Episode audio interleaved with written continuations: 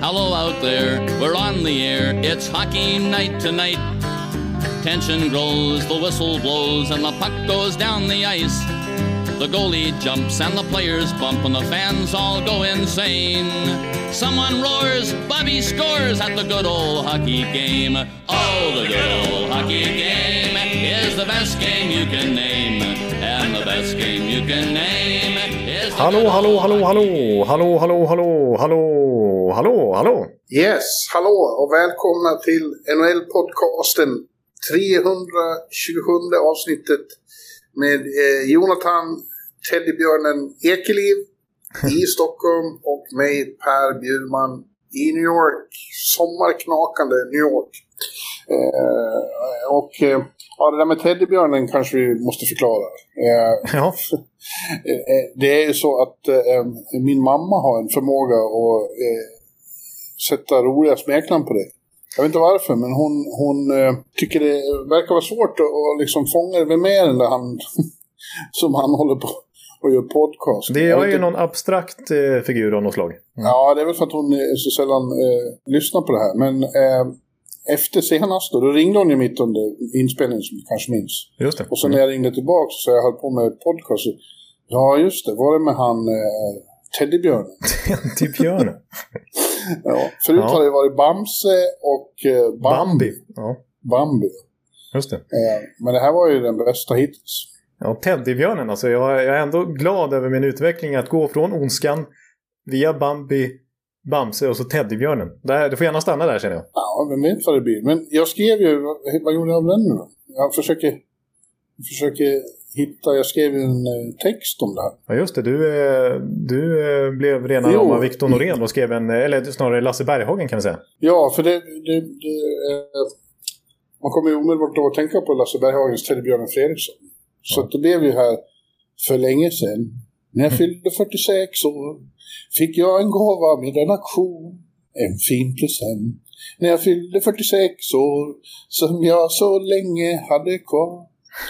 Teddybjörnen Ekeliv, ja så hette han. En gång var han bara min. Vi gjorde en podd ihop och så vidare. Teddybjörnen Ekeliv, hans röst var afghan. Han var min bästa vän när jag var en NHL-korrespondent. Ja, det var fint alltså. Eller hur? Det är första gången jag... Ja, det är nog första gången jag har blivit omsjungen. Och jag får dela melodi med eh, Teddybjörnen Fredriksson. Vi har ju, har ju båda trestaviga namn dessutom. Ja. Att, eh, Det var någon som mejlade och frågade, har han en nos-afghan? Eh, Ekeliv. ja, men det jag fick reda på nu att jag har en röst av garn i alla fall. Ja. Nej, det där var en oväntad öppning på veckans eh, avsnitt, eller hur? Ja, det får man säga. Härlig, härlig start. Jag, eh, hur mår du? Jag själv är helt eh, eh, som en blöt fläck av utmattning. efter fem dagar eller vad. Det, det känns som slutspelet har pågått i en månad eh, vid det här laget. Men den har bara pågått sedan i lördag, så nu är det torsdag. Eh, och det har varit frukt, som vanligt fruktansvärt intensivt denna första rundan. Man känner att man lever. Ja, jag förstår det. det är, jag har ju mest suttit och njutit av det på nätterna. Men jag förstår ju, du har ju... Jag menar, det har ju hänt saker varje natt och du har skrivit om det och du har varit ute på resande fot också och sett de två första matcherna i Washington till exempel. Så att, eh, jag menar, och det är, bara du sitter i korrespondentsoffan så, så blåser du nästan av stolen. Och, och när du ska skriva och ringa och så vidare efteråt också. Och blogga inte minst. Ja, det är bloggar samtidigt och, och, och eh, så blir det sent och så eh, efteråt när allt är gjort är det väldigt skönt att bara eh, ta det lugnt ett tag och, och ta in, samla intryck. Det är väldigt skönt efteråt. Ja. eh, jag tycker eh, några timmar där, men det får jag betala väldigt mycket för, för sen måste man upp igen. Ja, precis. Så innan den här podden så fick jag ett sms att du var trött som en krokodil. Och vad jag nu menar med det. det bara det säger att jag är trött för att jag inte kom på något roligare än krokodil. Så krokodiler är väl inga trötta. Ja, kanske när de ligger där. Ja. Ja, men jag skulle vilja ligga i en pool som de gör liksom helt stilla med, med näbben hoptryckt med bara ögonen ovanför näsan och titta på världen. det... Det, skulle vara skönt just nu. Ja, jag förstår det. Jag förstår det. Ja, men tvärtom så, eh, så eh, du kanske egentligen hade velat sova lite till. Men nu är det poddags igen. Det är dags att summera den första playoff-veckan. Och visst har vi saker att prata om som vi var helt inställda på att det- så här är naturligtvis efter första playoff-veckan. Det kommer det kommer vara stoff att ta tag i. Ja, precis. Men eh, nu vart det nästa år, då tror jag att jag hyr ett hus någonstans och har en pool som jag ligger i på dagarna. Ja, ja. Och, Det, det är nog en bra kombination faktiskt. ja, så Snyggt. skulle vi ha det. Ja, så den där krokodiljämförelsen ledde ändå till en eh, smart tanke här. Framtidsplan. Ja. Ja, ja nej, ja, absolut. Det, var ju det sista vi sa senast. Tänk vad många storylines vi kommer, hur många trådar vi kommer ha att rycka i. Mycket riktigt. Eh, somligt vi kanske hade kunnat förutse, annat som vi verkligen inte hade kunnat tänkt oss att eh, vi skulle prata om. Men så blir det ju alltid. Så är det alltid i denna liga. Eh, då är bara frågan vart vi ska börja någonstans. Eh, Kör vi i traditionell ordning eller? Ja, det, är, det är svårt när det, att säga traditionellt när det inte är som vanligt. Nej, precis. Det är helt nya divisioner liksom. Men vi kör East. Det känns som East är först. Eh, sen eh, är det Central och West och så sist North för de har ju knappt börjat. Nej, precis. Nej, det känns som att alla olika medieplattformar och NHL själva har liksom bytt lite hipp som happ vilken ordning det egentligen ska vara. Annars har det ju varit väldigt tydligt vilken som är först. Men det känns som att vi i NHL-podden, vi har landat i alla fall i att East är först. Och vi gillar ju att vara lite konservativa och ha ordning och reda. Ja, precis. Och det här är ju då ettan mot fyran, eh, Pittsburgh mot New York Islanders. Eh, som efter två matcher, som jag sett, står eh, 1-1. Just det. Och det var väl inte så oväntat eh, att det skulle bli så. Det, det känns som en extremt jämn eh, serie. Precis, så när vi tippade så blev det ju 1-1 också. För jag tippade Pittsburgh och du sa Islanders. Och det är precis vad det står hittills då. Eh, Mm. Och man får säga att det är... Ja, vi förutsåg det visserligen, men att det är tydligt att det är betydligt jämnare än vad det var 2019 när de senast möttes då, när, när eh, Islanders svepte Pittsburgh. Men eh, så blir det verkligen inte den här gången. Det ser ut att bli en lång och tight serie utifrån vad vi har sett hittills. Absolut. Eh, ja, nej, Pittsburgh är mycket bättre än vad de var då. Mm. Eh, för Islanders är det ju ändå, de kom in fyra, så det är ju ändå liksom... Man kan inte önska så mycket mer än att ha 1-1 efter de två första bortamatcherna. Det är ju eh, ett, ett bra facit. Mm. Eh, det har väl, ka- så rent hockeymässigt har väl det varit kanske den serie som har varit minst spektakulär så far. Det har varit bra, tajta, jämna matcher. Eh, men det är inget som har stått ut jättemycket. Eh, Nej. Möjligen det faktum att vi har än en gång fått bekräftat vilken slug general manager Lou Lamoriello är. Ja, När han, när han knöt till sig eh, eh, Palmieri och- och Sajak från New Jersey, framförallt Palmieri då. Mm. Eh, så var det många som tyckte att det här, det här var ju inte som vanligt eftersom de inte levererade under grundserien. De gjorde inte mycket väsen alls av sig under grundserien. Nej. Men det, det var inte därför han tog dit dem heller. Utan för att de ska leverera i slutspel. Och det har Palmieri ge- redan gjort med besked. precis. Avgjorde alltså Game One med ett riktigt snyggt mål. Ja, får man säga. Eh, och ja, precis. Det är ju värt att poängtera att han klev fram direkt då för att nej, det var ingen imponerande slutspurt av grundserien av Islanders efter trade deadline. Jag var inne på det förra veckan att de faktiskt hade ett negativt record efter de här investeringarna. Ja. Men eh, när väl slutspelet börjar här nu så, så kliver Palmero fram. Så absolut, ja, jag tycker det är, det är rätt att poängtera. Men eh, ja, på något sätt så efter de här två matcherna i alla fall så är jag ändå ganska positivt, eh, alltså, positiv syn på Pittsburgh faktiskt. ja. Alltså, Eh, jo, de har ju ett, eh, ett lag som känns eh, bättre på att spela slutspelshockey än de har gjort de senaste åren. ja, alltså för egentligen så finns det ju, alltså visst, de, de gör näst flest mål i grundserien här så det är klart att de har en sprakande offensiv även utan Malkin som är fortfarande borta och inte kommit tillbaka i den här serien än så länge. Eh, men eh, det är ju, defensiven är ju otroligt viktig också om man ska gå långt i slutspel och så har det inte varit senaste åren liksom och framförallt inte den Islanders-serien men inte mot Montreal i bubblan heller. Men man vet ju egentligen att Pittsburgh och Mike Sullivan som coach har det i sig att sätta ett bra försvarsspel. Vi minns ju inte minst ja, båda Stanley Cup-titlarna, men 2017 när de var utan Letang hela slutspelet och deras defensiva struktur skulle jag vilja säga var nyckeln till att de gick långt och hela vägen till och med. Ja, det var ju olika de där åren. Året innan så var det framförallt med, på speed och offensiv sprängkraft de vann. Och sen var det just så de vann året därpå. Precis, och det var kontringar snarare än eh, Ja. kontrollerande spel som eh, gav framgång. Eh, så att det där finns ju, det spelet finns ju i Pittsburgh jag tycker att de visar lite av en kombination i det i de här, den här säsongen, i de här inledande matcherna, även om de förlorar första då.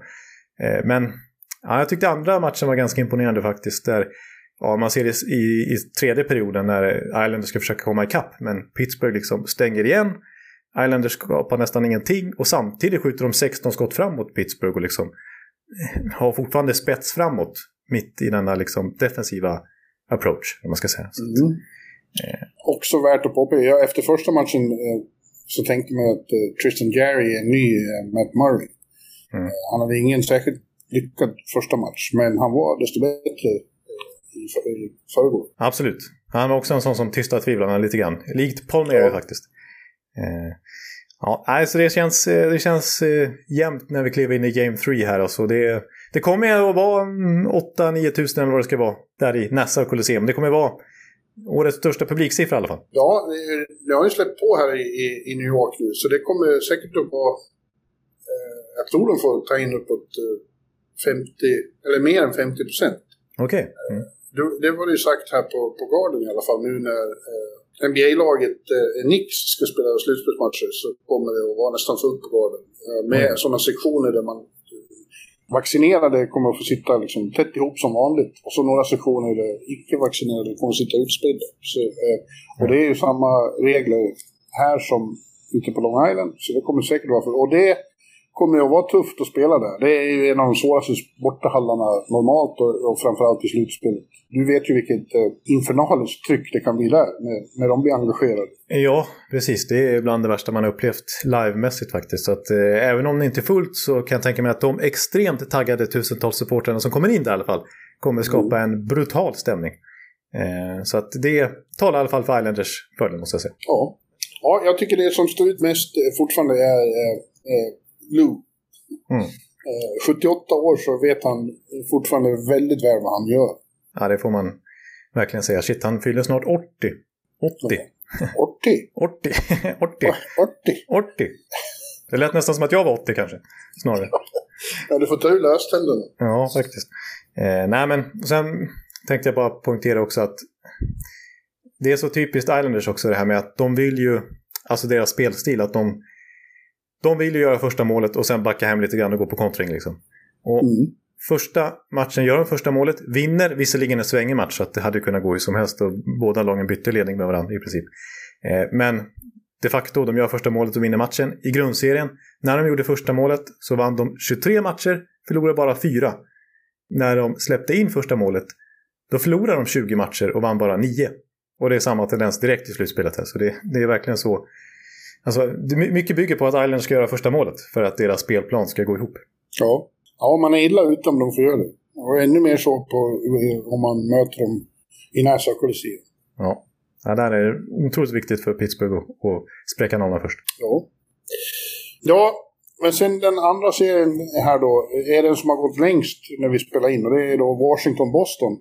Mm. Som har hunnit med tre matcher och det står 2-1 till Boston efter eh, onsdagskvällens eh, övertidsdrama i Tidig Garden. Mm.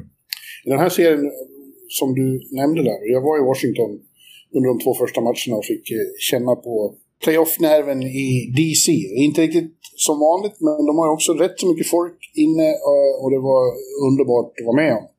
Ja. Eh, det är en klassiker för, för mig och, och bloggen att åka ner till Washington när det är vår och, och det ska spelas slutspelshockey. Ja, det är inte första gången, om man säger så. Nej, tåget ner och, och komma dit, nej, det, det är väldigt speciellt. Och eh, mm. det var ju också, man kände direkt, det var ju för, de, de var ju först ut då i lördags, var bara den matchen. Och man var till så knockad av jävlar. eh, nu, är det, nu är det Stanley Cup. Det var ju en intensitetshöjning av, av Guds nåde man kände direkt. Jag satt på, på, på, en provisorisk pressläktare där på ena långsidan. Man sitter väldigt nära isen. Ja, just det. Det är skillnad mot att sitta uppe i taket. Eh, ja, som var, alla har ju olika eh, procedurer vad gäller den här pandemivarianten. Och det här var en provisorisk... Det var nästan som eh, OS, eller, eller ja, OS, när man, när man sitter liksom fantastiskt bra. Ja. och jag satt på min stol där och skrattade. Det var ju ändå åtskilt. Så, så, så jag satt för mig själv och hoppade upp och ner på stolen och hojtade för mig själv. Oj, oj, oj! Och skrattade. Liksom. Så, nej, du satt och skrek oj, oj. Det var inte bara i bloggen du skrev det. Nej, nej men jag sa oj, kolla, kolla! Sa jag för mig själv. ja, ja. Det låter ju härligt. Så här, ja. Jävlar. Ja, eh, men eh, det har ju också varit precis som eh, förutspått extremt jämn, hård eh, serie där det inte finns mycket utrymme för någon. Nej, alltså det är väl den, får man säga, den jämnaste serien hittills. Som vi också Ja, det- förutspådde, men att, att den skulle vara så här jämn. Alla tre matcher har ju faktiskt gått till förlängning hittills. Ja, ja det. Så att det är ju otroligt jämnt. Eh, Men eh, ja, det är Boston som leder efter de här tre matcherna vi har hunnit se hittills. Och jag tycker nog faktiskt att Boston varit snäppet vassare, men det är ju otroligt jämnt eh, hur man än jämför de här lagen i princip hittills. En, en skillnad här tycker jag är att eh, Bostons eh, bästa spelare och framförallt Brad Marchand har eh, fått mer gjort än vad Washingtons bästa spelare har fått. Eh, eh, Mm. Boston har varit bättre på att hålla eh, Ovechkin, Beckis, Oshie eh, i schack, Mm. Karlsson, än tvärtom. Det är, det är väldigt små marginaler där för att eh, eh, det är ju det är extremt svårt. Eh, De är stenhårt scoutade och, och, det ägnas ju väldig energi åt, så är det ju överallt, i Mm. alla serier. Eh, Att neutralisera stjärnorna och de som, det krävs oerhört mycket mer av dem för att de ska kunna uträtta lika mycket som under grundserien. Ja, nej, men så är det ju. Eh, och samtidigt som att du vill lyfta fram då att eh, Boston har lyckats bättre med det och att deras toppspelare har varit mer framträdande. Eh, så vill jag ändå säga att det verkligen märks redan efter tre matcher här att Bostons secondary scoring med Taylor Hall, som vi var inne på i previewn, har blivit starkare än vad det varit tidigare. För kollar man på de nio mål som eh, Boston har gjort hittills, eh, alltså tidigare slutspel har vi pratat om att första kedjan, den mördande, har gjort i princip allt och att det har varit ett stort problem att resten av laget nästan inte bidragit överhuvudtaget i målprotokollet. Men hittills, av de nio målen hittills då, så har första kedjan gjort tre tror jag. Och övriga sex blir då, av andra spelare. Eh, så det är ju nytt för att vara Boston får man säga. Å andra sidan är det så med, med Washington att eh, deras fjärde kedja har ju klivit fram och producerat. Ja. Den med Hathaway, Dowd och Hagelin. Mm. Eh, och, och det där är ju också liksom ett, ett så typiskt eh, för slutspel och ett, och ett framgångsrecept. När, när eh, första linorna liksom blir kvästa så Mm. måste någon annan kliva fram. Och det har de ju gjort här. då. Och grejen är ju då att motståndarnas bästa defensiva krafter, de används ju för, för eh, Ovechkin och Beckis. Blir då plötsligt en annan kedja också het, då räcker inte liksom, de, de krafterna räcker inte till till att ta bort flera kedjor. Nej, det är sant.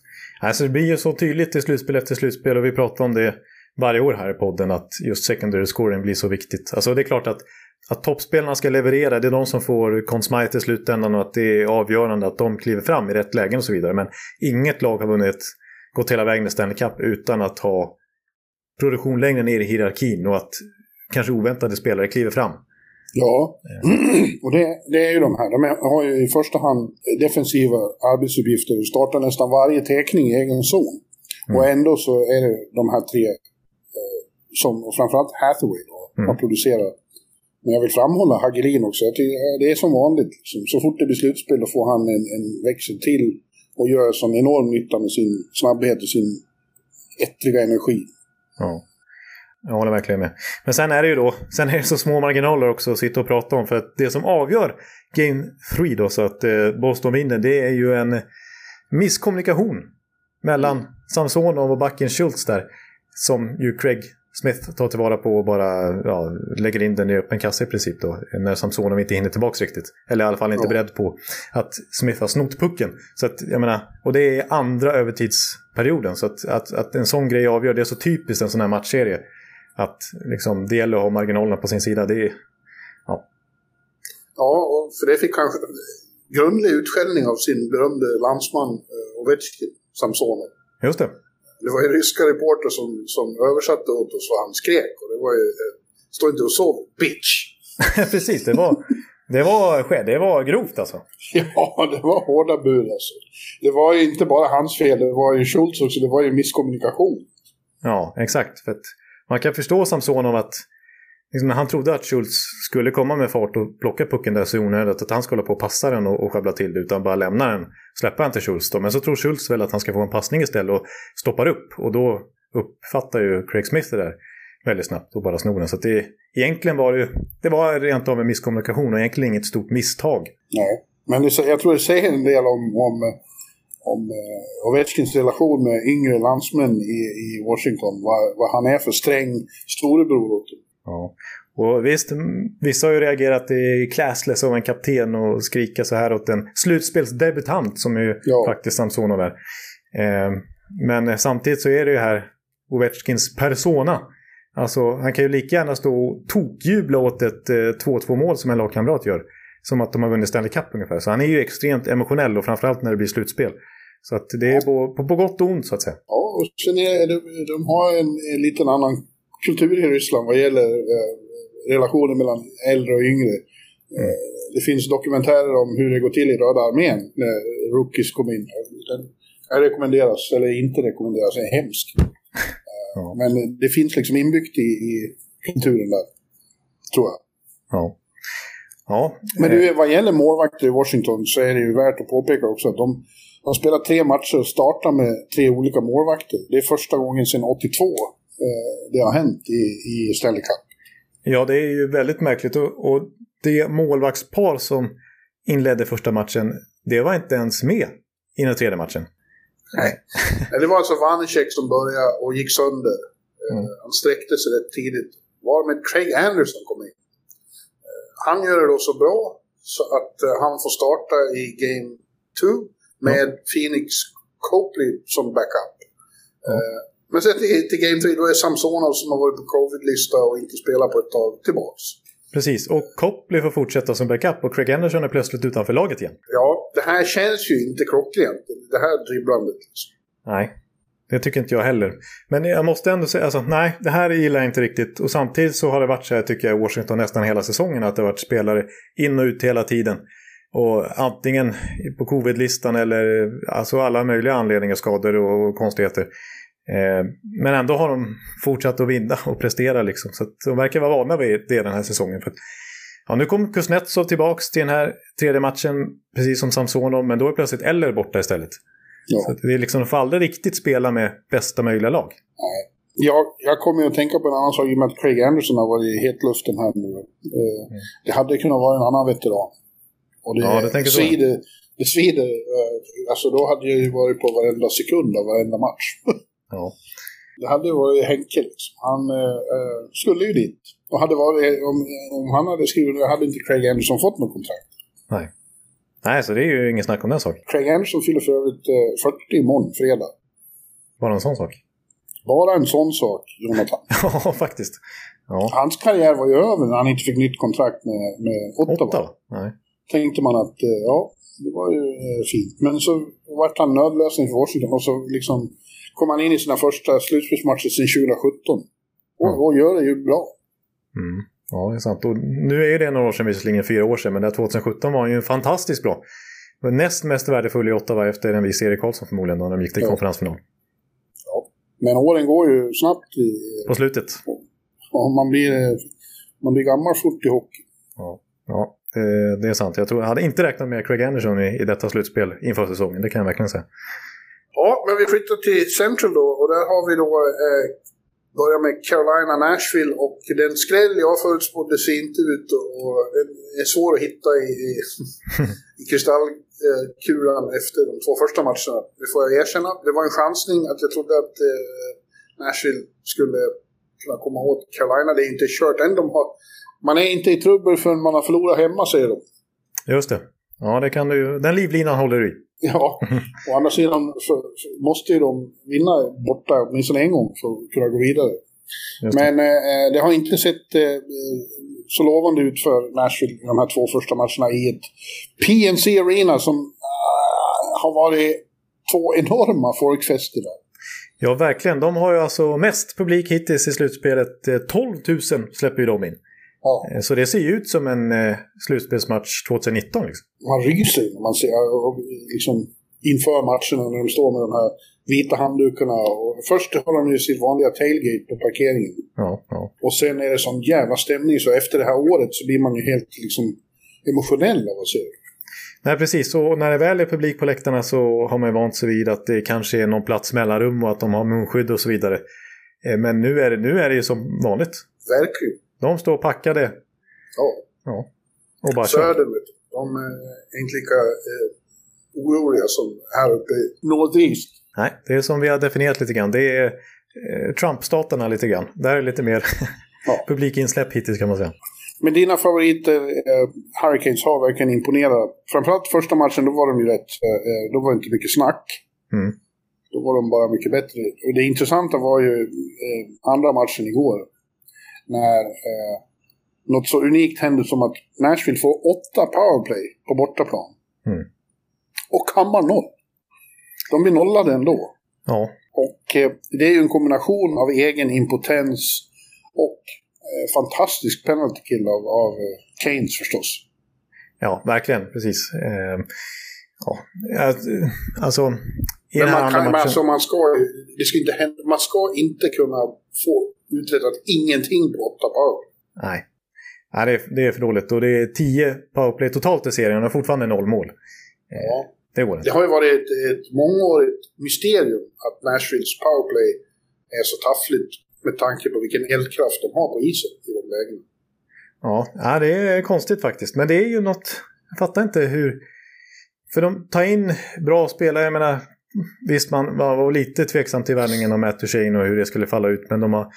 Och då, Ryan Johansson mot Seth Jones och så vidare. De har ändå tagit in stora spelare utifrån och de har haft Subban där och de har haft när han var i sin prime då. Och så, och liksom Foppa är i sin prime nu. Eh, inte Peter Forsberg, han har visserligen också varit där, men Filip Forsberg. Ja, vi säger inte Foppa längre, man säger Flipper eller Forra. Ja, just det.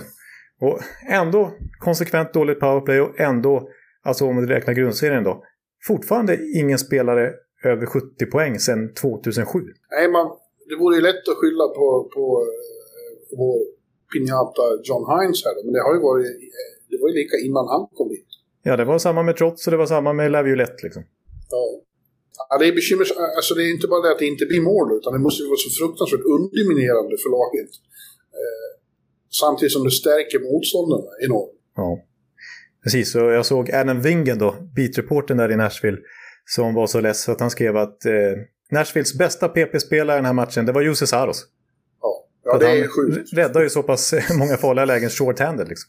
Ja. Eller i PP som ja, det har ju varit, det har ju varit målvaktskamp också. Han, han, har varit, han har varit bra, även när de förlorade. Men, men och, och, och vår vän i Carolina-kassen, Rukin, Nedeljkovic. Hussein, ja, svårt namn. Ja, det får man säga. Jag, får, jag får, måste kolla stavningen varje gång jag ska skriva. Ja. Jag har sett att Carolina säger bara Ned. Ja, han är, det ska jag bara säga. Ned. Ned. Han är amerikan, han är inte tjeck som man kanske tror. Ja, det låter lite så eh, tjeckiskt, ja. ja. Ja, men vilken, eh, vilken start han har fått på sitt första slutspel. Ja. Och, eh, de är extremt imponerande, Carolina. Alltså. Sebastian Aho säger varje gång man nämner Sebastian Aho säger man att spelade han bara på en större marknad skulle han vara en av de största. Men vilken jävla fin hockeyspelare. är. ja. Nej, precis. Han är så hal. Han Ja, är så otroligt svårfångad.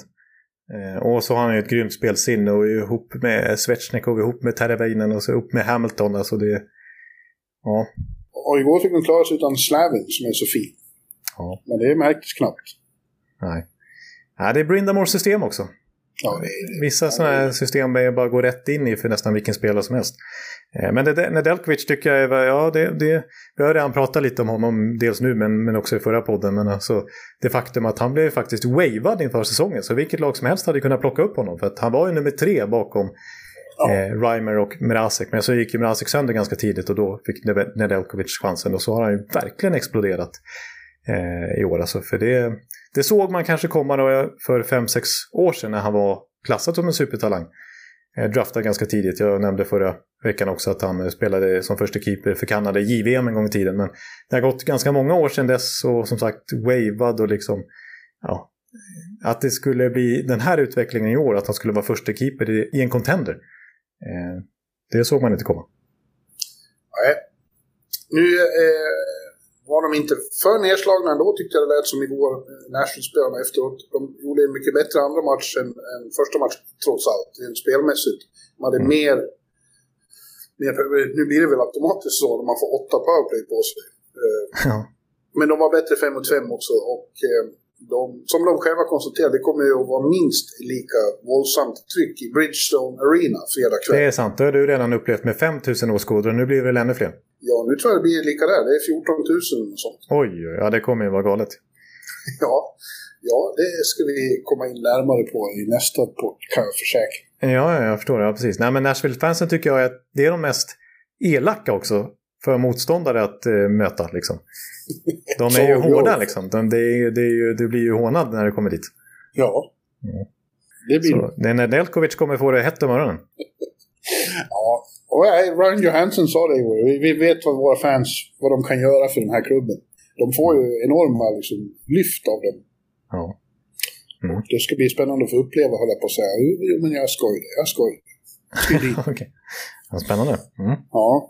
Eh, men eh, det vill ju till, alltså de måste ju vinna den här första matchen på fredag. Annars är de i 3-0 underläge och då är det ju morsten och goodbye.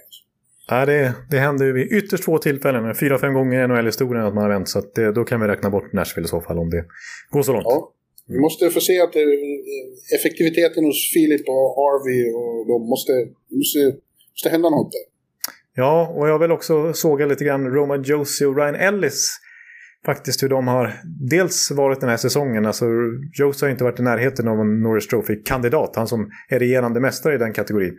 Eh, men också deras slutspel, alltså totalt sett i karriären. Jag såg någon siffra när de två spelar ihop, de brukar spela ihop i samma backpar, men när de har spelat ihop i samtliga slutspel, även när de gick till final, så har de aldrig varit över 50% i expected goals. Alltså, det, det är alltid förväntats enligt underliggande siffror göras fler mål emot än för med de två på isen. Och det tror man verkligen inte. De som är klassat som ett av ligans bästa backpar, men i slutspel har de faktiskt ganska dålig statistik ihop får man säga. Och så även nu. Det är inte, det är inte eh, så lovande. Nej, nej, det är en tendens som har varit närvarande i 5-6 år. Ja, den andra serien i centrum, nu ska vi försöka hålla den på, eh, i samma längd som de andra serierna vi har pratat om. men det kommer att bli en utmaning för mig. Men ja. eh, det är ju då eh, Stanley Cup-historiens första Florida-derby mellan Panthers och eh, Lightning. Mm. Och eh, det har ju varit ja, kanske hela slutspelets mest största happening de två första matcherna. Framförallt den första. Det var ju sån jävla smällkaramell till match. Ja. Att man ju bara satt och gapade. Det var sån fruktansvärd intensitet, så fruktansvärt fysiskt att uh, man tänkte herre jävlar.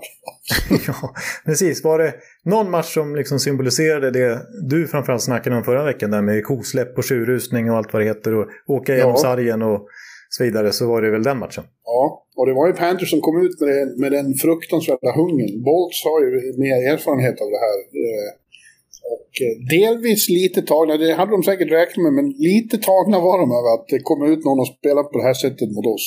Ja. Du hade ju en bra analys av det, att eh, Tampas motståndare brukar försöka slå dem genom att sakta ner och stänga till och, och proppa ihop allting. Mm. Här kommer ut ett lag som försöker spela Tampa-hockey eh, bara ännu mer. Exakt, för det var så det kändes. Alltså, det är en, den typ av motstånd som Tampa haft svårast för här senaste åren. Det är ju Islanders typ på... Columbus. Columbus, ja precis. Som det blev 0-4 matcher mot en gång i tiden där. Och, och Washington, när de... När liksom Barry Trotz-hockeyn där satt i stopp 2018. Vänta nu, en gång i tiden. Det var 2019 hörde du. Ja, jo, jag, jag kanske inte ska pr prata på det viset. Jag avslöjar min ålder här. Ja, men de lyckades ju ändå, eh, tack vare sin eh, större erfarenhet, rida ut stormen där också då, eh, i, i första matchen. Mm. Eh, det såg ut att vara på väg mot, mot förlängning där också, men eh, den iskalle slutspecialisten Braden Point han avgöra redan med en och en halv minut kvar. Precis, och det är väl, visar väl å andra sidan Floridas orutin lite grann att och liksom lite naiva hunger ja får man säga då, att släppa till ett friläge med 1.14 kvar eh, vid 4-4-läge. Ja. Liksom. Ja, de var, de var för ivriga och hungriga även där i slutet istället för att spela lite säkrare då. Ja. Och jag tror, Quenville sa väl till och med det, han sa att uh, We're still educating each other. Uh, they're already there. Mm. De vet hur man vinner sådana här matcher, vi vet inte det än. Nej. Och sen i, i, i match två, då kändes det som att uh, Tampa hade liksom justerade saker och ting, anpassade sig till det här och hade saker och ting över lite större kontroll. Ja, lite så. Får ju snabbt ett 2-0 överläge att gå på liksom. Och det, Ja. ja, det blev ju ganska jämnt till slut får man säga. Och, och Florida var inte långt ifrån att kvittera i sista perioden. Eh, fick ju avgöra i öppen kasse till slut. Men eh, ja, jag är imponerad av Florida måste jag säga. Det är hemskt att möta dem. För de är ju så hungriga, de är ju så ättiga. De klöser och river och håller på med sina klodar. ja. Men, eh, ja, men, men Tampa ja, nu. och, och underbara alltså, Huber då var fantastisk i första matchen, Bark var fantastisk. Men det kliver fram också sådana som man inte har lagt så mycket märke till under grundserien. Och, och framförallt tänker jag på Lomberg. Ja, i fjärdekedjan där med Marchment och Lomberg och Atchari, det är ju... eh, Ja, det måste vara en av slutspelets tuffaste kedjor. Alltså, det känns som en 80-talskedja i princip. Lomberg. Jag säger Lomberg då, för jag, jag, och jag har redan kommit fram till att jag tycker det låter som namnet på en kommissarie i en eh, Sjöwall Wahlöö-deckare. Martin Becks kollega. för det, där fanns ju Kollberg fanns ju. Eh, och, och nu är Lomberg där. Ja, ja. Snart slänger de in Gunvald också, skulle du säga. ja du ser, då blir det farligt. Ja. Nej, men han är, han är verkligen old school hockey. Han åker runt och proppar allt och alla. Och vill ha fight. Så han bråkar och han skriker. Och, ja. Han gjorde verkligen intryck direkt. Alltså. ja, en profil. Ja, sen måste vi nämna Kucherov då, som eh, till mångas vrede eh, kommer in. Eh, eh, det är många som tycker att det är bluff och båg att eh, Tampa har circumventat eh, lönetaket. Det var någon, det var någon Florida-supporter i mitt kommentatorspår som skrev det. det. Det är omöjligt att slå ett lag som inte har något lönetak. Ja.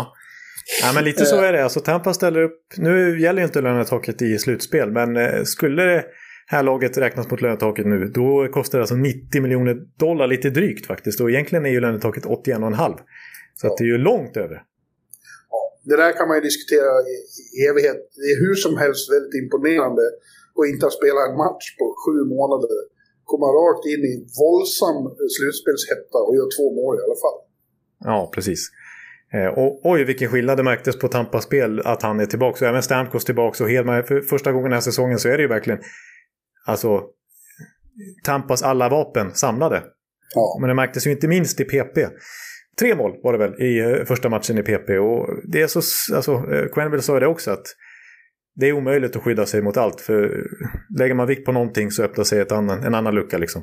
Eh, och det, det är ju Stamkos, de var ju livrädda för hans direktskott. Två spelare som åker ut och liksom kastar sig nästan när han laddar bössan. Och så har de ju Hedman på point som styr och ställer och är också en av ligans bästa målskyttar från blå. Liksom. Och så har de Kutjerov som gör två mål från sin position men också är livsfarlig med passningarna. Och i mitten glömmer man ju bort Braden Point då som Ja, säsongen 18-19 var det faktiskt han som gjorde flest PP-mål i hela NHL. Så han är ju expert där i Bergeron Bumper-positionen vid slottet liksom. Så att Ja. det är ju... Ja, det är svårt att skydda sig mot alla de där. I synnerhet powerplay. Alltså det är, man, man äter inte fruksvamp, man, man, man kör inte motsatt riktning på motorvägen. Och man tar inte utvisning mot Tampa, så kan vi slå fast. Okej, ja, den var snygg. Men eh, jag, vill, jag vill, måste säga en sak till om det här med Kutjerov. Eh, som någon påpekade och som jag utvecklade. Så det är general managers roll har alltid varit, de var sluga förr i tiden också, eh, sådana som eh, Scotty Bauman och som när, när det eh, det var inte lönetak då, men de kom på nya regeltolkningar och så. De, de funderade länge och kom på sätt att komma runt saker och ting. Och, och det är general managers roll att hitta kryphål och att bryta mot regler utan att bryta mot regler. Eh, Det var ett de har brandtal. inte...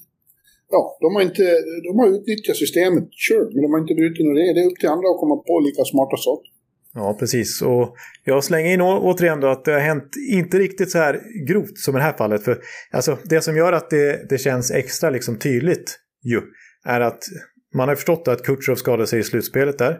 Och man hade ju utan problem då kunnat komma fram till att han skulle behövt operation direkt då i oktober liksom. Direkt efter slutspelet om skadan var så allvarlig. Men så väntar man då till kort före grundseriestart så att rehabiliteringsperioden, den förväntade, blir precis så att det är tajmat till slutspelet. Liksom. Så att det är ju det är svårt att komma runt att det här inte är väldigt medvetet då. Men det får NHL se till att, korrigera, att det finns den luckan. Ja, precis. Så det är väl risk att, eller risk eller chans, beroende på hur man ser det. Jag som Tampa-fan är ju nöjd just nu. Men eh, ja, att, att man ska komma runt, att man ska lyckas stoppa det här genom att till exempel eh, ja, men, eh, att om man ska få med slutspelet så måste man ha spelat minst en grundseriematch till exempel. Ja, ja just det. Ja. eh, mm. Ju längre de går och ju bättre han eh, är, desto mer gnäll kommer det att bli om det här. Det får du vara beredd på. Ja, men det, det, jag är stålsatt. Mm. ja. Out West så har Colorado inlett med två knockar mot St. Louis i Ball Arena i Denver.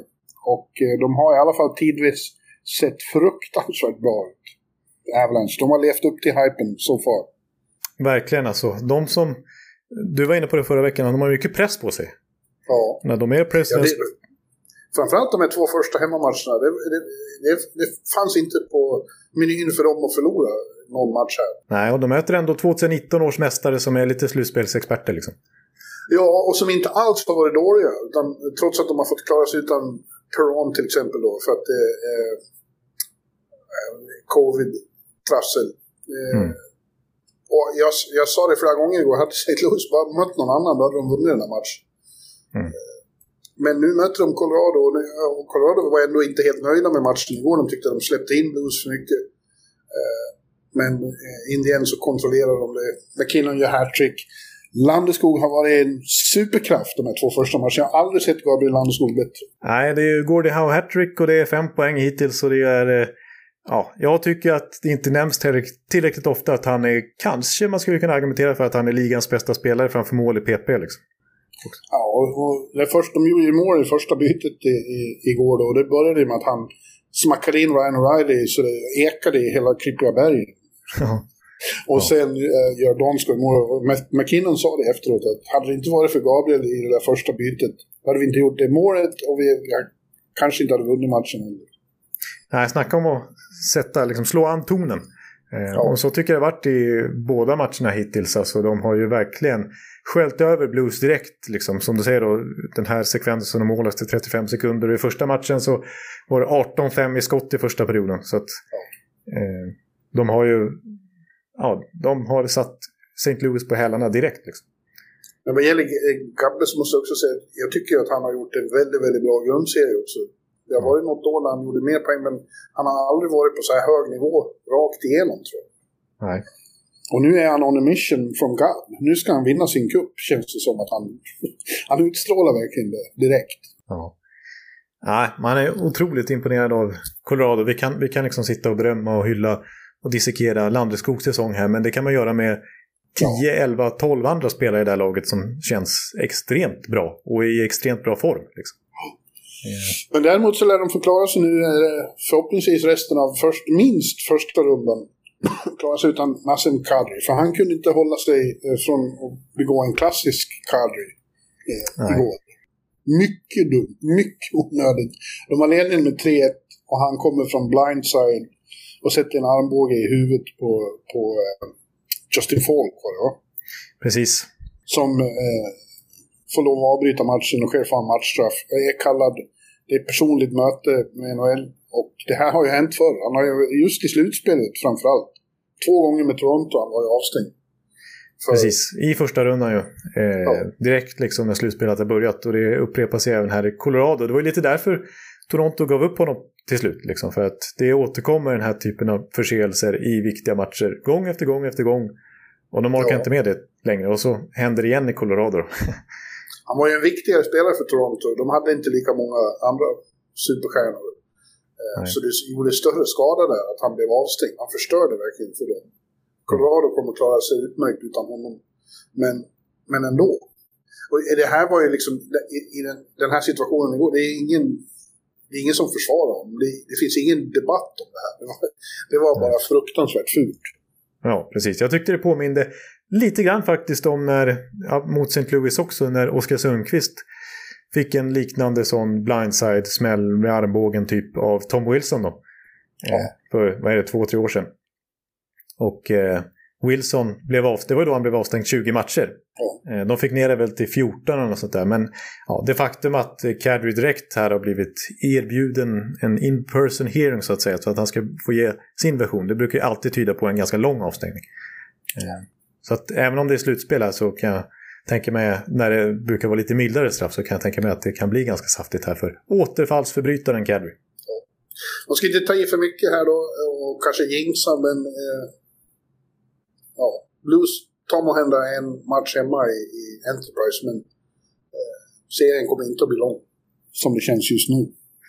Nej, precis så. Nej, jag håller verkligen med. Och sen så dessutom, en, eh, jag skulle vilja kalla det en styrka. Det har inte benämnts som det i senaste årens snack om Colorado. Men eh, alltså Grubauer i kassen, han är ju bra. Så att, Ja. liksom, Ja, så han, man får inget till skänks målvaktsmässigt heller.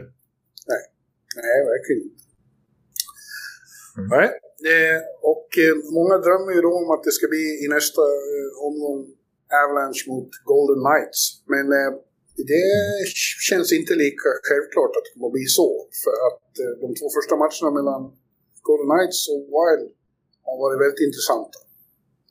Ja, precis. 1-1 i matcher hittills och eh, ja, jag måste säga att jag är extremt imponerad av Minnesota. Med, med lite Ja. tur hade de kunnat eh, nästan eh, ha 2-0 matcher på de första bortamatcherna. Det hade jag inte förutsett. Nej, inte jag heller. Eh, De vinner den första på övertid när, Joel Eriksson Ek gör som pappa Klas brukade göra och gör i, på overtime. Ja, Eh, Det bär ju en Leksing emot att påminna om det. Ja det är så. Framförallt Leksand, jag. knäckte några gånger. Eh, eh, runs in the family tydligen. Eh, och sen andra matchen då lyckades eh, Vegas ändå, inte minst tack vare Mark-André Fleury, eh, krama ur sin seger. Eh, Intressant om vi tittar på Vegas är att du minns från slutspelet i somras, eh, eller höstas, Ja. eh, att de hade extrema problem att göra mål. Eh, Ja. Mot Thatcher, Demko och sen mot, mot eh, Kudobin. Det var ju helt otroligt va? vilken måltorka de drabbades Och det hände ju igen då, där i första matchen. De hade jävligt mycket skott och avslutning men, men kunde inte överlista Ken Talbot. Och det där är ju en oroväckande trend.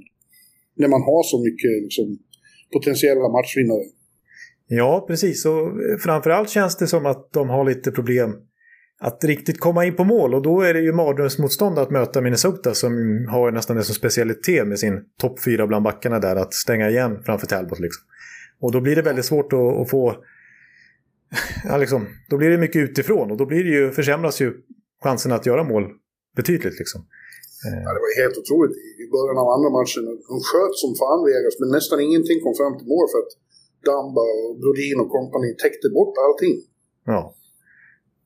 Ja. Brodin har varit så sjukt bra. Jag säger ju det. Han är vår näst bästa NHL-back just nu. Ja, ja, ja, jag säger inte emot. Jag säger inte emot. Eh, men, men sen i, i grundserien också när man ändå eh, alltså inne på just det här med Vegas svårigheter att komma in på kassen omot just Minnesota. Vi sa ju det förra veckan att det lag som Vegas har haft svårast mot under sina år i NHL det är just Minnesota och, och förlorat, vad är det, 11 av 16 matcher. Eh, och eh, den här säsongen så har ju också Minnesota övertag i grundserien eh, mot Vegas. Eh, och, men, men just det här som du är inne på, att Vegas skjuter mycket och det, liksom, enligt de siffrorna så kontrollerar de matcherna och borde göra fler mål. Men när det kommer till liksom, skott från väldigt bra lägen, från precis nära målet och returer och så här, så är det faktiskt Minnesota som har ganska klar fördel. Om vi räknar grundserien, antal returer mellan de här två lagen, så var det 25 returer för, för Minnesota och bara 7 för Vegas. Så total utklassning. 7! Borta! Du lät så... Du, nu lät som du pratade dalmål. Ja, nu börjar jag... Ja, jag säger, jag byter dialekt lite. Olika hur är det din kompis Sim låter? Ja, men han snackar ju lite dalmål liksom. Och då blir det ju som man snackar, jag snackade med henne häromdagen och då kommer man in i det liksom. Sju! Mördaren? Mördan. Ja. Mm, ja, men eh, det är ju ändå intressant med Minnesota också att de, eh, de har ju även förr spelat så här bra defensivt. Men de har en helt annan aura i år för att de är farliga offensivt också. De här åren när de mötte Chicago till exempel i slutspelet, man kände att de, de, de var numret mindre och det syntes även i, i slutspelet i höstas. Liksom. De, när det väl kom till stora matcher så var de liksom, hade ingen... eh, Gamebreaker. Nej, precis. Och nu, men nu har de ju off- samtidigt har de ju väldigt offensiv. Eh, det går fort både framåt och bakåt. Ja, precis. Och eh, visserligen har ju faktiskt Kaprizov står ju på noll poäng hittills så hans kedja har inte liksom levererat så. Men de, jag tycker ändå de sett bra ut spelmässigt och det ska bli kul faktiskt att följa nu när Minnesota får hemmaplansfördel och sista bytet. När de kan göra lite mer fördelaktiga matchups kanske för sin toppkedja. Så, ja det... Men det är ju, det är ju lika där att det är välkommen till Stanley Cup, Kirill. Det är inte lika lätt som i grundserien här och glänsa. Nej. Nej, precis. Det är inte så att han har kunnat eh, fylla på sin fantastiska highlight reel med massor med sekvenser på de här två första matcherna. Utan han har varit ganska neutraliserad ändå. Ja, det ägnas ju såklart, i, återigen, det ägnas ju väldigt energi åt att ta bort sådana. Mm. Mm. Mm. Ja. ja, det ska bli jävligt intressant att följa. Det, som du säger, det blir jävligt intressant att se vad som händer här i exet. Ja, precis. Och så vill jag ändå nämna då för, för liksom, till Vegas försvar här också med att de har problem med målskyttet. Att deras stora målskytt Max Pacioretty fortfarande inte Nej. spelat i den här serien och det märks ju. Och det blir liksom inte samma balans i kedjorna tycker jag när han inte är med. Och liksom, man vill ju ha Stone, Stevenson och, och Pacioretty i en kedja. Och så vill man ha den klassiska Marchessault, Riley Smith och Carlson. Och så liksom, att det blir en one-two punch där. Men det blir ju inte lika tydligt när inte Max Pack är med. Nej. Nej. Eh, ja, bara eh, igen understryka att båda målvakterna har varit svinbra. Och det är ju inte så förvånande. Flurry, han har ju varit Vessin-artad hela säsongen.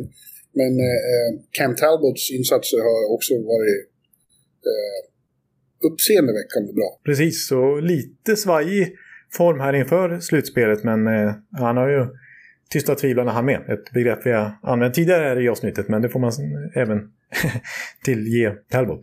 Men eh, mm. Fleury alltså, det är det är ändå lite revansch får man säga från ja, mindre än ett år sedan när eh, det var den här eh, svärdet och så vidare. Och, och Lener var, var Peter uttalade första val liksom. Men nu är det faktiskt tvärtom. Nu är det ju Fleury som får uh, vakta kassen här i slutspelet. Och gjort det fantastiskt ja. bra. Ja, och jag har ju fått enormt mycket beröm av Lener inte minst. Lener ja. sa att de, de fick ju det William Jennings bästa målvaktsparet. Nu har redan delats ut mm. till dem. Men han, det är inte så att det liksom är någon osämja där, eller issue. Han sa att eh, det är Mark som ska ha eh, Vessina i år. Ja. ja, ja, det ser man.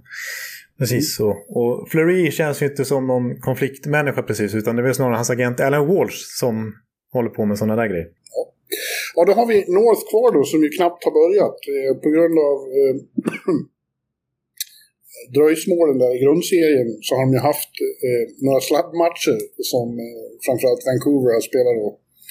Eh, mm. Nu är de äntligen klara med det där tramset.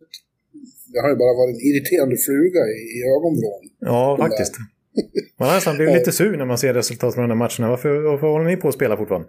Ja, men då väntade NHL av någon anledning med att köra igång slutspelet där. Men eh, vi fick ju då en första match mellan Edmonton och Winnipeg igår och det varit en skräll direkt. Winnipeg mm. höll eh, McDavid och Dreisaitl helt utanför protokollet och vann med 4-1. Visserligen efter två i tom kasse på slutet, men bara det faktum att de tar Edmonton efter att ha spelat så var det så otroligt formsvaga och backa in i slutspelet är ju eh, anmärkningsvärt. Ja, alltså precis. Och det är också väldigt mycket slutspel. Och en sån som jag drar stora slats, dra stora slutsatser från grundserien och, och peka på statistik och så vidare. Och så kommer man till slutspel och så är det liknande fall år efter år att liksom Edmonton har sex raka segrar mot Winnipeg och vi är inne på att Jets är det klart formsvagaste laget in i slutspelet.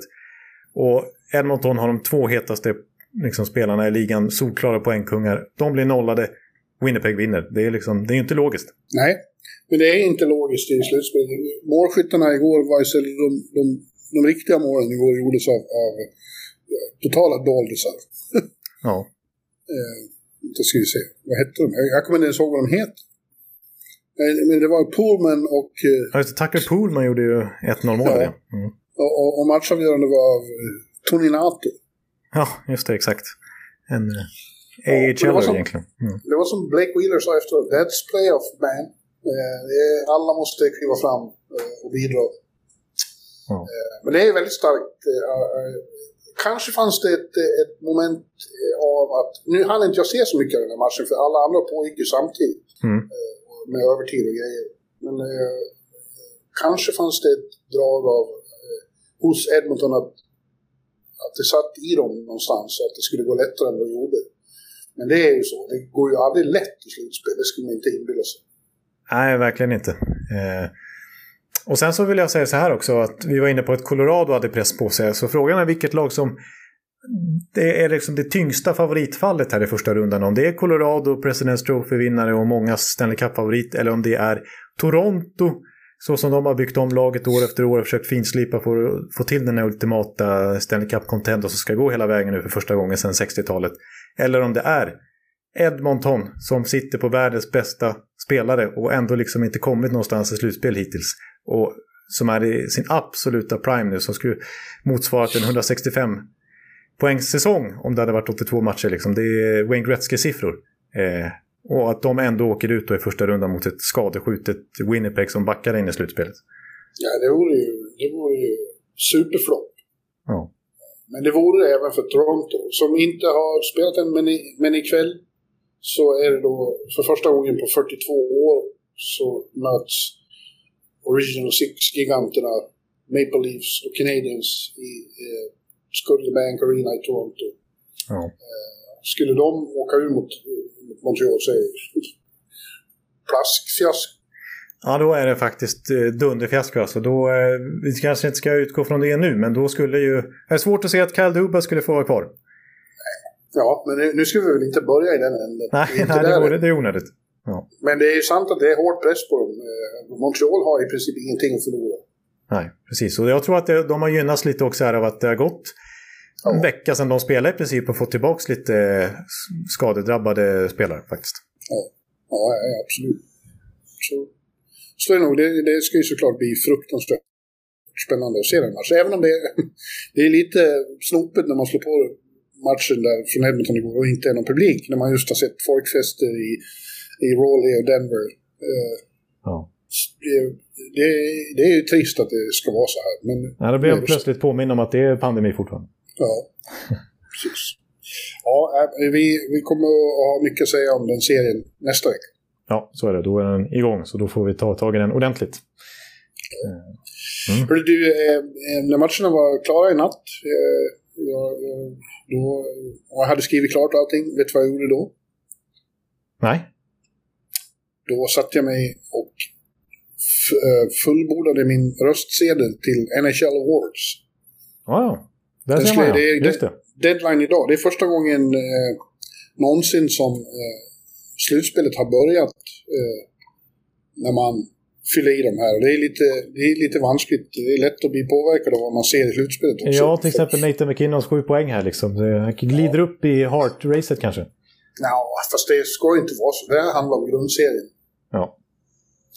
Så nu har jag skickat in dem och egentligen ska jag väl inte prata så mycket eh, om det. Men det var väl skitsamma när vi pratar i Sverige podcasten här. Eh, jag- utgår från att vissa val kommer jag få skit för. För att det var lite svårt på slutet när jag skulle eh, till exempel ta ut, man tar ut All-star-lag också. Inklusive då ett rookie All-star-lag. Det ska vara en målvakt, två backar, backar och tre forwards. Och backarna var inte så jävla lätt. Nej, det är ingen back som har varit i närheten av att vara nomineringsaktuell. Ja, det är väl kanske Ty Smith i New Jersey då, men han är kanske 7-8 på listan bland bästa rookies i år. Ja, han kom till exempel inte med då. Min. Han borde kanske ha varit given där, men det var Kander Miller och eh, Romanov för min del. Ja, okej. Okay. Miller köper jag och Romanov eh, ja, till och från. Eh, Och Ty Smith, jag menar hela New Jersey sjönk ihop i slutet så att ja, det är väl inte helt orimligt. Men det är sånt som jag säkert kommer... De, de, det blir ju offentligt det här sen. Jag kommer att få skit för det. Ja, men det får du oavsett vad du än har skrivit. Ja, fast det är ju vissa de, det blir drev mot. Det skulle jag tycka var tråkigt. Ja, precis. Du får hela New Jersey-community emot det här. Precis. De kommer kalla mig Rangers-dåre och sånt. Ja, just det. De, de åker över och står där nedanför skyskrapan. Och... Nej, fast mitt, mitt, jag, tar, jag tar ut dem jag tyck, som jag har varit förtjust i. Jag tycker inte det här är så jävla vetenskapligt. Man måste undersöka eh, all er stats och så. Det är så jävla viktigt är det inte. Jag tar ut de jag har tyckt, de som har gjort mest intryck på mig. Som jag tycker om. Precis, och det har varit... Det är många som är med och röstar så det blir ju en stor sammanlagd bild av Ja. det hela också. Så att, ja. Men vi kan väl gå igenom och, och se eh, vad du... Vi kan väl fuska här. Jag kan berätta vad jag har röstat så får du, eh, så får du skälla på mig. Ja, ja, jag har skrivit upp själv. Jag, mina röster räknas ju ingenstans. eh, Men jag har skrivit upp de här NHL-poddens räkning i alla fall. Så jag kan kontra med mina då. Och skälla lite Ja. på dig om jag inte håller med. Ja, vi får inte rösta. Vessina, Jack Adams och General Manager of the Year får inte vi rösta då, utan det gör ju andra. Mm. Eh, Men Hart, det är, tror jag... Det kan inte finnas någon som inte har Conor McDavid etta. Nej, det, det blir spännande att se. Den personen då kanske? Ja, det är den vi skrev skit. drevet mot sig, så det var tur att du, att du inte skrev upp där eh, Luke Cunnin eller någonting. Nej, nej. Conor McDavid. En gång när jag röstade på dem förut, då skrev de ju in fel när de publicerade. Då Just stod det. Hellebuck var min etta. Jaha, just det. Ja, det, det, ja, det måste... Det Det, är det, är ju hemskt när man inte har gjort fel och så får skiten då. Ja, just det. Usch. Men då blir det så här för mig att tar man ut honom, då kan man inte också ta ut Leon Draisaitl. För då är han inte viktigast i laget. Förstår du vad, hur Ja, jag resonerar? jag, jag håller helt med dig. Jag köper det till fullo. Ja. Så han var min etta. Eh, Austin Matthews är nummer två. Mm. Alexander Barkov är nummer tre. Nathan McKinnon nummer fyra och Brad Marchand nummer fem. Ja, det är ju otroligt eh, bra och viktiga spelare alla fem. Så att det är hugget som stucket. Jag tyckte det var skitsvårt det här. Men jag har samma ett och två i alla fall. Det är ju naturligtvis Conor McDavid för mig också. Och sen är det svårt att förbise Austin Matthews 41 mål. Det är ändå mål Ja. det går ut på här. Och jag har åtta fler än någon annan. Och som sagt, jag var inne på förra veckan, det skulle motsvara 65 mål en 82 matcher säsong med samma snitt. Då, så det är ju extrema siffror. Eh, Även om Marner då vinner poängligan och jag har hört i Toronto där att vissa tycker att man ska rösta på honom snarare. Men nej, 41 Ja, det är möjligt. Men, men jag tycker att de här eh, Matthews har varit eh, omöjliga. Liksom, fantastiskt. Ja, jag var inne på båda dina kandidater, eller alla tre kandidater fler du nämnde där. Jag har bara skrivit upp tre namn och jag, ja, ja, det är lite hur jag känner för i, just när jag skriver. Jag hade kunnat skriva upp någon annan också. Du Men tar jag, Kucherov i alla fall. ja, jag tog Nikita Kucherov. Det är en fantastisk grundserie. Ja, nej, men eh, Sidney Crosby faktiskt. Jaha. Mm. Ja, det finns väl argument för det. Men, eh, Utan Malkin och vinner divisionen, en väldigt svår division och sådär. Och... ja, men det har inte bara hängt på honom. Det är väldigt Nej. många unga som har klivit fram Ja, precis. Men jag har ändå flest mål och flest assist i laget och är ledande spelare fortfarande. Ja, nej, okej. Mm. Ja, Norwich Trophy då. Där, fick jag, där hade jag svårt länge. Men jag har blivit påverkad av dels vad han har sagt själv, eh, men även andra, att det har inte varit Viktors, inklusive du då, Mm. Viktors eh, bästa säsong. Även om jag tycker att han har varit bättre än vad, vad man säger. Framförallt första halvan. Första halvan var han bäst. Ja. Mm. Men han halkar ner här till andra plats. Det blir Adam Fox etta. Mm. Eh, Victor Hedman tvåa. Cale McCarr trea. Dougie Hamilton fyra och Jacob Chychrun femma. Det finns fler där som jag hade... Jag ville gärna ha med Chrisley Tank till exempel. Som jag tycker har blivit ung på nytt. Men det där är mina fem. Ja, ja, jag har, mina tre var Adam Fox etta, Cale McCarr tvåa och så Victor Hedman trea. Jag sviker vår vän här lite grann. Mm. Cale McCarr... Eh, hade Cale McCarr spelat 56 matcher, mycket möjligt att han har vunnit med. Precis, alltså hans hade ju bäst snitt poängmässigt om man räknar ner. Och Han spelade ju bara 44 men gjorde 44 poäng på 44 matcher. Och ju, ja, hans underliggande siffror är ju så extrema så att det går knappt att prata om. Eh, han spränger taket. Eh, men Adam Fox en sak som jag tycker är intressant att tillägga där, förutom hans... Man pratar ju mest om hans fantastiska offensiv då liksom. Och hur mycket han bidrar. Han är ju väldigt skicklig quarterback i powerplay och sådär. Men hans defensiv, alltså bara en sån, sån här sak. Som att förra året när defensiven läckte enormt. Då fick ju han ganska begränsad roll och spelade inte så mycket. Och framförallt inte i boxplay. Han spelade 2% av Rangers totala boxplay-tid förra året. Men den här säsongen så är han ju ledande back i alla spelformer. Så han spelar över 50% av Rangers totala boxplay-tid. Och plötsligt hade Rangers ett topp 10 boxplay i hela ligan. Så att Ja. det är ju inte bara framåt han levererar utan en Norris Trophy-vinnare ska ju vara hela paketet. Och det tycker jag att man får säga att NF också har blivit väldigt snabbt här i NHL-karriären. Calder var också svårt. Eh, framförallt eh, är det debatt om ettan och tvåan. Eh, och jag, här gick jag på personlig eh, förtjusning till slut. Mm. Och satte faktiskt Jason Roberts som etta. Han har, då. han gjort så väldigt intryck på mig. Och Kaprizov tvåa då. Och sen Ned, Höglander och Tolvan. Jaha, du, ja, okej. Jag trodde du skulle slänga in Sjestjorkin där faktiskt. Nej, de Mm. gick inte till slutspel. Nej, just det. Då, då blir man ratad av Bjurebiff. Ja. Ja. ja, du har dina principer. ja, det hade ju lika gärna kunnat vara Kevin Lankinen då i så fall. Ja, i alla fall Kevin Lankinens lite Hedman eh, liksom, Mm. vändning på hans säsong. Han började väldigt bra och så nej, blev det inte så mycket av Chicagos säsong till slut. Eh, ja, nej men... Eh, jag skulle nog, alltså jag är också otroligt förtjust i Jason Robertson och det måste jag verkligen säga. Och det som talar till hans fördel jämfört med Kaprizov är att Kaprizov är ju lite äldre.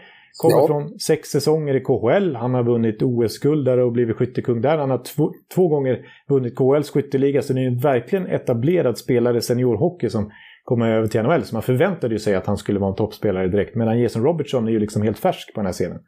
Ja. Men å andra sidan tycker jag Kaprizov, alltså han, han, han vinner ju poängliga för rookies. Jag har 51 poäng på 55 matcher. Han är den otroligt stora katalysatorn till Minnesotas otroliga lyft den här säsongen. Det är ju...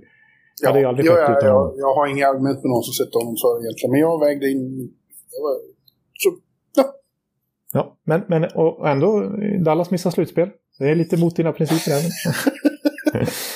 ja, ja, men jag behöver inte argumentera för det. Det ingår Nej. inte. Nej, jag förstår. Det är personlig preferens. Liksom. Ja. Sen är det Lady Bing. Eh, mm. Och eh, där är faktiskt Peter den som många ser som favorit. Eh, därför att eh, det har förts en kampanj här eh, från kvinnor som eh, tycker att det är åt helvete att, att Austin Matthews ska framhävas som gentleman efter den här off-ice-incidenten han hade och inte har bett om ursäkt för utan bara strunta i. Mm. Så att eh, honom ska vi inte utse till gentleman. Utan mm. mina fem är Jacob Slavin som spelar 50, han är back och spelar mm. 56 matcher och har två utvisningsminuter. ja. Från Anna, och det var en eh, så här, delay of game. ja, just det. Ja. Då tycker jag att man är eh, Lady Bing. Ja, han är också väldigt bra. Ja. Man ska ju vara det också. Ja, det ska ju vara en kombination mellan en egentlig sportslig spelare ja. och en av de mest dominerande. Liksom.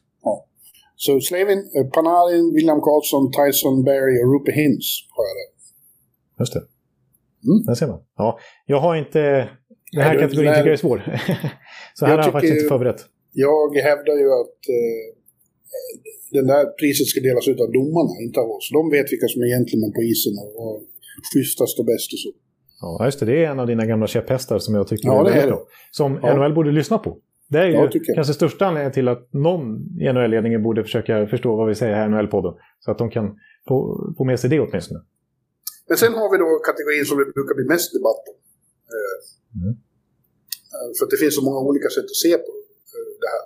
Selke. Och det är Selke då, mm. med bästa defensiva forward. Mm. Eller som det står, to the forward who best excels in the def, def, defensive aspects of the game. Mm. Mm. Och det finns många, eh, många kandidater, men jag har tagit Alexander Barkov, Mark Stone, Patrice Bergeron, Joel Eriksson Ek och Philip Danot. Oj, oj, oj. Vad lika vi var där, så det blev ingen debatt här. Eh, liksom. Det hade kunnat bli krig här i NHL-podden nu. Men det blir det inte, för att jag har skrivit upp Barkov, Stone, Bergeron, Eriksson Ek och Pavelski. Okej. Okay. Mm. Ja, men det, han var ett namn som var uppe på tapeten också. Men Danoe är ju en väldig expert i den här rollen också. Ja, mm. Verkligen en duktig defensiv spelare. Måste. Mm. Ja, men det känns som att Barkov är väl lite du. ja, men jag tycker att han är så bra så att, ja, du såg det, jag nominerade honom för Hart också. Jag älskar Alexander Barkov. Ja. Ja, ja jo, det gör det. det, gör det. Men, eh, och det gör eh, folk i, i Florida också. Jag har sett att det har varit extrema hyllningar här nu när, när eh, det har blivit national, liksom, när Florida har fått lite större fokus på sig. Och, ja. och folk i Florida, liksom, verkligen, dels så har man ju sett han spela Barco och han har varit fantastisk i de här två matcherna och liksom fått uppmärksamhet så. Men även Quenneville som har sagt att så här, det är den bästa 200 foot player som finns. Liksom, han har ändå coachat många spelare. Och han, ja, nu syftar han på dagens NHL, men ändå. Det, det är stora ord. Och inte minst från Mackenzie Weegar som säger att He's better than Conor McDavid. He's the best player in the NHL. Ja. Nu, det var lite överdrivet, men ja. sådana ord använder han om Barkov. Ja. Vill du ta Vessina också då som vi inte röstar på? Jag vet ju inte hur man tänker. Men jag kommer lite på det i, i mitt All-Star-team här. Du kan ju få höra det också. Ja, det kan jag föra. Ska, ska jag dra Vessina först eller? Ja, gör det. Jag gör det. Eh, ja, då har jag skrivit då, och det här tycker jag inte är så subjektivt. Jag säger Vasilevski. Jag är nästan helt säker på att han kommer få det. Speciellt när general ja. managers röstar. Ja. ja. De går ju ofta mycket... De är inte så... Ja, men fortsätt med listan. Vi, ja. eh, tvåa. Jose Saros skriver jag faktiskt. Ja. Eh, och trea, Fleury. Ja. Mm. Mm. Eh, Valamo kan man argumentera för också. Ja. Ja, kan man. Ja, men mitt All-Star-team är ju då eh, tre centrar, Conor McDavid, Austin Matthews och Barkov tar jag det. Man, man, Dreisaitl skulle kunna vara inblandad där också, helt klart. När det handlar om bara vilka som är bäst. ja. Men jag kan inte ta bort Matthews, och jag kan inte ta bort Barkov. Nej, så då får inte Dreisaitl plats helt enkelt. Det blir det intressantare sen, för då handlar det om spelare som inte var med så mycket på eh, Hart. Right Wings, Three Selections, Mitch, Mitch Marner, Mark Stone, Mikko Rantanen. Mm. Left Wing, Brad Marchand, Jonathan Huberdeau och Gabriel Landeskog. Ja, det ser man. Backarna är de fem jag hade och så Chris Letang. Och- Och mina målvakter är Vasilevski, Fleury och Valan. Ja, där kan man Vad säga att det invändningar dina, sina kandidater. Du började muttra lite på right wings och left wings hörde jag. Alltså, nej. Ja. Ja, ja, Landeskog där är väl en liten knall, men eh, samtidigt så tycker jag att det, det är värt att lyfta fram hur mycket han betyder. Alltså det är inte bara poäng, utan det är liksom... Och jag, jag, just, jag var inne på det där också med hur duktig han är framför mål. Att han kanske Ja. är ligans bästa spelare i den positionen, framförallt i PP. Det är ofta han inte ens får poäng då liksom. Han är involverad i väldigt mycket mål som han inte ens får poäng Exakt. för. Så att, eh, mm. Men de är ju lika viktiga de målen. Ja, mina, mitt All-Star Rookie-team då är Jason Robertson, Kaprizov och Höglander på forwardsidan. Och defense som du hörde, Kander Miller och Romanov. Och Ned i mål. Nej, jag, jag, jag köper det. Du, tror du jag kommer få mycket skäll för något här? Ja, Romanov.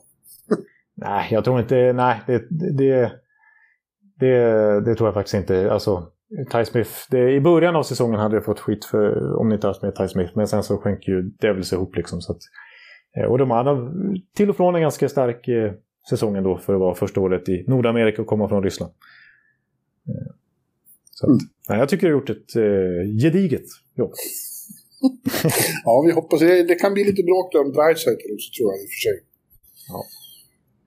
Men eh, det är så många folk ska bråka med. Ja. Så att jag tror du klarar dig eh, hyfsat lindrigt ändå. På ett sätt är jag glad att jag slipper vara med om det här. Utan det, jag kanske får skita av lyssnare visserligen då. Utifrån vad jag har sagt. Då, men, eh, Ja, det var eh, Don August var på det i, i natt igen.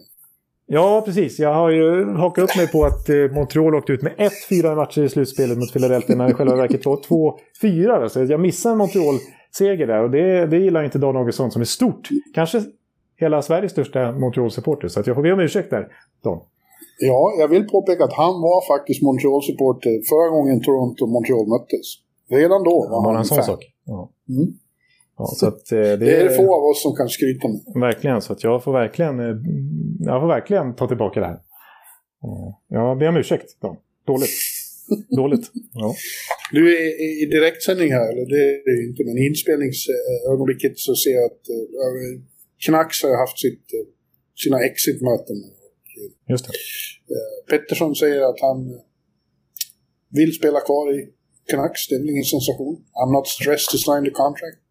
Eh, I'll take it time. eh, Så får vi se. Han kommer att bli kvar där såklart. Ja, precis. Ja, det är en spännande offseason som väntar i Canucks där med eh, Petterssons kon- kontrakt som ska förhandlas och Quinn Hughes ska man börja förhandla med. Och man måste ju få ordning på det här efter fiaskot. De slutar alltså sist i divisionen efter Ottawa. Ja, Så det bra. finns mycket att, att ta tag i där. Och Travis Green får han vara kvar som coach. Och hur är det med uppe i ledningen där? Det är ju snack om att det ska eh, bli ganska stora förändringar. Att kanske Sedinarna kommer in i någon roll. Så att, Ja, eh. Canucks kommer vi följa upp säkert här under offseason ganska mycket tror jag. Han hyllar, han hyllar eh, Höglander också, Pettersson. He's a power forward, but a tiny one. Småpik i själva, i själva hyllningen. Ja. Det är väl rubrik hos oss. Pettersson pikar Höglander. ja, det kan bli något sånt. Vem vet. Ja. Ja, Mm. Men eh, ska vi säga att det var det för den här veckan och så får vi eh, ja, snacka på en väldig massa nästa vecka också. För då, eh, bland annat då Toronto-Montreal igång också. Tror du att vi har några serier avgjorda redan då? Jag tror ju att den eh, serien där du trodde att det fanns skrällchans kan vara avgjord. jag tror Nashville kan Ja, vara jag- ute. Men jag vill Just det. understryka att det stod i slutet av det tipset att det kan lika gärna bli så att Carolina sveper Nashville. Ja, det, du garderade faktiskt, det såg jag. ja. Ja. Men det, det, sista ordet är inte sagt. Nej, men visst. Ekeliv. Mm. Nej, det ska vara massa vansinne, höll jag på att säga, supportrar i, i Bridgestone Arena som... eh, Ja, där har de inte nos, nosar av garn inte. Nej, verkligen inte. Nej. De är hard-nosed.